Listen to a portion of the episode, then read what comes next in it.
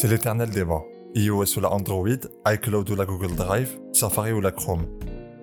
En public, Apple et Google représentent les éternels rivaux technologiques, mais derrière les coulisses, les deux entreprises ont un partenariat de plusieurs milliards de dollars.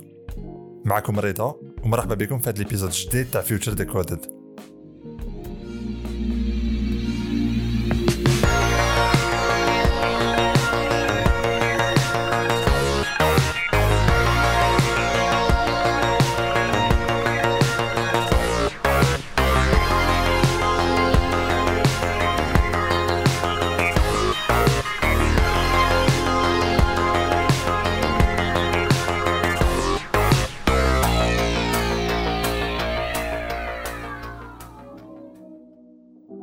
Expliquer la relation entre Google et Apple est très très simple.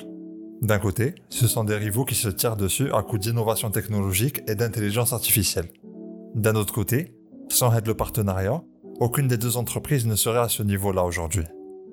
Il faut savoir que Google paye à Apple entre 8 et 12 milliards de dollars par an, soit un tiers des bénéfices d'Alphabet, l'entreprise mère à Google, pour s'assurer qu'il est le moteur de recherche par défaut sur tous les appareils Apple.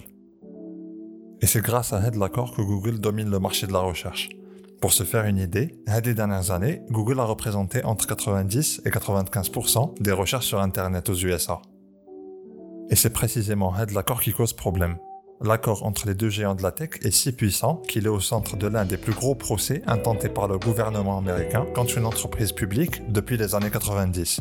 Mais la question qu'on se pose, c'est comment deux des plus grands rivaux de la Silicon Valley ont formé l'un des partenariats les plus importants de la technologie. Pour comprendre la relation entre Google et Apple, il faut revenir aux années 2000. À l'époque, le PDG de Google, Eric Schmidt, faisait partie du conseil d'administration de Apple. Et en 2005, Google a conclu un accord avec Apple pour devenir le moteur de recherche par défaut sur Safari, le navigateur as les ordinateurs Mac. Et au fur et à mesure de l'évolution de la relation entre Google et Apple, en 2007, lorsque l'iPhone est sorti, Google était déjà le moteur de recherche par défaut sur les iPhones. Et c'est très très drôle, je vais vous mettre le passage d'Eric Schmidt, le PDG de Google Fadek Lewart, lors de la conférence d'Apple pour la sortie de l'iPhone. Introduce Dr. Eric Schmidt, Google's CEO. Congratulations, Steve. What an incredible job. So, Steve, uh, you know, I, have had the privilege of joining joining the board, and there's a lot of relationships between the boards. And I thought, uh, you know, if we just sort of merge the companies, we could call them Apple Goo. Um, but I'm not a marketing guy.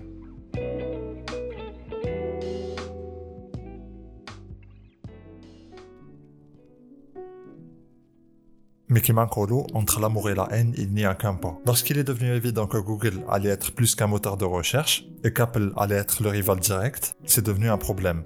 En 2008, Google a directement défié Apple en lançant son propre système d'exploitation, Android. Et depuis, les deux entreprises ont étendu leur activité respective, Google lançant des téléphones Android et Apple lançant des services qui l'App Store ou la Siri, qui étaient à l'origine alimentés par Bing de Microsoft et non pas par Google. Et ce n'est qu'en 2017 qu'Apple est passé de Bing à Google pour ses résultats de recherche sur Siri et Spotlight, la fonction de recherche sur Mac. Et il faut dire que l'accord entre Apple et Google est arrivé au bon moment. Google était concurrencé par la publicité en ligne sur Facebook et Head le nouvel accord avec Apple a placé ses résultats de recherche et ses annonces sur plus d'un milliard d'appareils Apple. Et aujourd'hui, jusqu'à la moitié des recherches sur Google proviennent d'appareils Apple.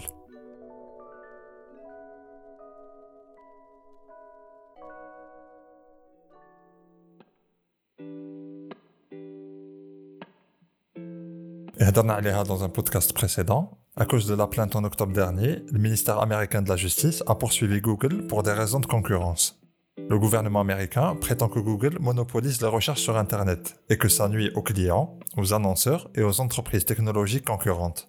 Toujours selon le ministère de la Justice, Google maintient sa position dominante par le biais d'accords commerciaux exclusifs qui marquent le partenariat avec Apple.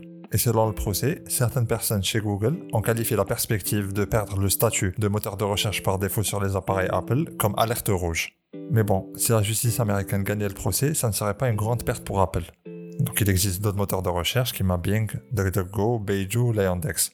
Certains analystes affirment même que le procès pourrait être le coup de pouce dont Apple a besoin pour se séparer de Google. Même si on ne sait pas maintenant quels sont les plans exacts à Apple pour l'avenir. Certaines personnes ont spéculé que ça serait une bonne raison pour Apple de développer son propre moteur de recherche. D'autres disent qu'il serait éventuellement possible qu'Apple achète un moteur de recherche pour renforcer sa capacité faire le domaine. Pourtant, la rupture de partenariat de plusieurs milliards de dollars entre Apple et Google pourrait porter un coût financier à deux des plus grandes entreprises au monde. Et quelle que soit la manière dont la relation se déroulera à l'avenir, elle pourrait influencer la manière dont des milliards de personnes utilisent Internet. Voilà, on a la de l'épisode. Si vous avez écouté Future Decoded sur Apple Podcast, n'hésitez pas à mettre 5 étoiles et commenter. Et si vous écouté le podcast sur Spotify ou la Deezer, n'oubliez pas de le partager. Et si vous sur YouTube, vous pouvez liker, commenter et partager. C'était Reda, et à la semaine prochaine.